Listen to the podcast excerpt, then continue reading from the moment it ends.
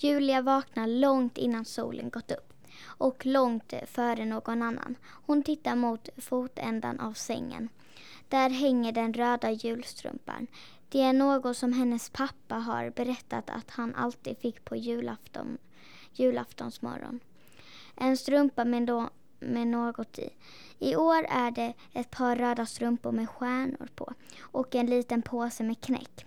Julia stoppar en knäck i munnen och går bort till fönstret.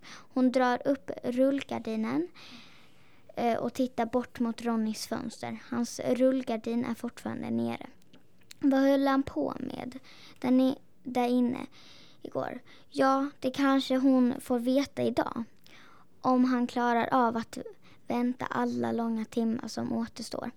Lika bra att göra något vettigt under tiden. Hon har ju faktiskt inte slagit in Ronnys present än. Hon drar fram påsen med julklappspapper, tejp och snören och sätter igång. Ronny petar i filmjölken. Är du inte hungrig idag? frågar hans pappa. Vad mumlar du, Ronny? Sitter du och funderar över vad du ska få i julklapp? Mm, säger Ronny. Det är just vad han gör. Hon tänker på en viss, viss julklapp på vad han kan tänkas få av Julia och vad hon ska tycka om det. Hon får av, hon får av honom. Jag vill ha många julklappar, säger Ronnys lillebror. Får jag det? Vi får väl se vad tomten har med sig, säger hans mamma och ler. Om, om han inte har många med sig så släpper vi inte in honom. Ronnys lillebror ser så bestämt ut att varken Ronny eller hans mamma och pappa kan låta bli att skratta. Jullunchen tar 2000 år och Julia har ätit färdigt på tre minuter. Sen är det bara att vänta och vänta och vänta. Ska du inte smaka på sillen? frågar hennes morfar för tredje gången. Nej, det är äckligt. Säg inte så Julia. Vi, an vi andra tycker faktiskt det är jättegott. Hennes mamma ser strängt på Julia. Julia suckar. Har ni inte ätit färdigt snart? Nu tycker jag att vi tar och sjunger. Hej tomtegubbar, säger Julias pappa och höjer sitt glas. Julia ser ut genom fönstret mot Ronnys hus och undrar över om han också måste sitta vid matbordet så här länge. Ronnys, Ronny ser på köksklockan. Nu är det bara en kvart kvar till Kalle Anka och direkt så e-, Direkt efter Kalle så är det julklappsutdelning. Så efter Kalle går det inte. De måste hinna göra det innan. Får jag gå från bordet undrar han. Nej, säger hans pappa. Vi har ju sagt att du måste vänta tills alla är klara. Ja, men är ni inte, är ni inte det snart? Nu skålar vi för julen, säger Ronnys farbror. Ronnys lillebror råkar slå ut sitt glas med julmust över bordet. Några droppar kommer på mormors röda klänning fast hon kastar sig undan så fort hon bara kan. Det blir en stor fläck på den vita duken. Jo, nu tror jag faktiskt att vi är klara, säger Ronnys mamma och suckar. Eller är det någon som vill ha något mer? Det vill ingen. Ronny springer upp på sitt rum och tar ut paketet ur garderoben. En evighet, ja minst en kvart och kanske ännu längre har Julia stått i sitt fönster och åt, och, återlikt tittar ut på Ronnys ytterdörr. De måste äta ännu långsammare i hans familj för att komma kan väl inte ha glömt. Nej, nu öppnas dörren. Julia tar upp sin, sitt paket, springer ner i hallens sliter på sig jacka och vinterstövlar och hinner möta Ronny just innan han når fram till hennes veren, veren, veren, veranda. Vi går till snögrottan, säger Julia. Då de smyger runt huset och in i grottan som de byggde för tre dagar sedan. När det senaste snöfallet hade varit.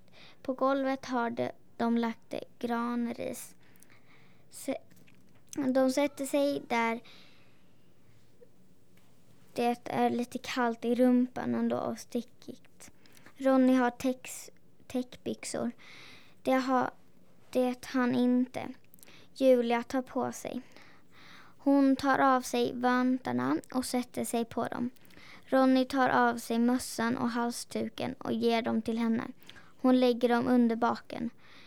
Nu sitter hon skönare. Varsågod, säger Ronny och räcker fram paketet.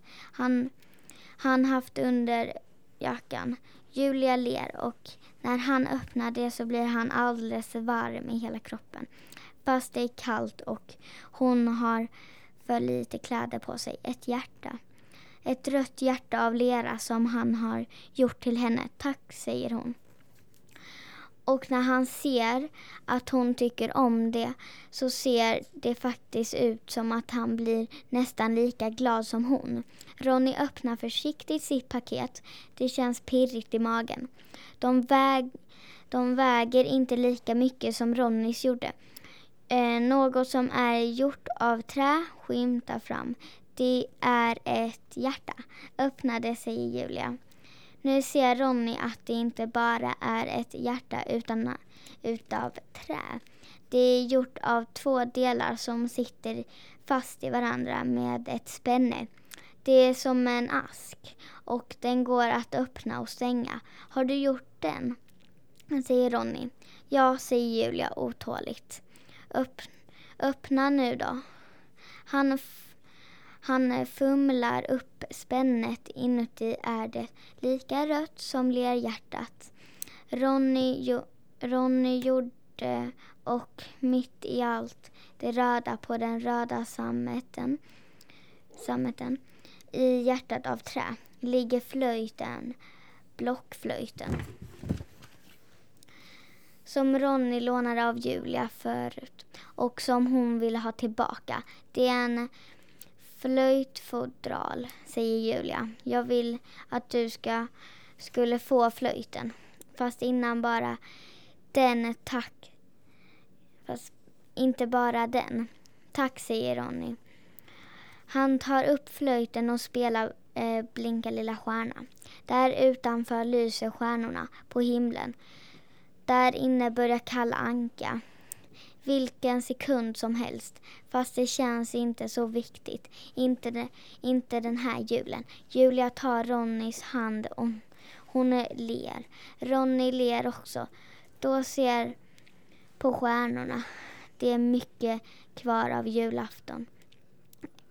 Ändå, ändå är Ronny redan, redan nu säker på att den är den bästa han varit med om.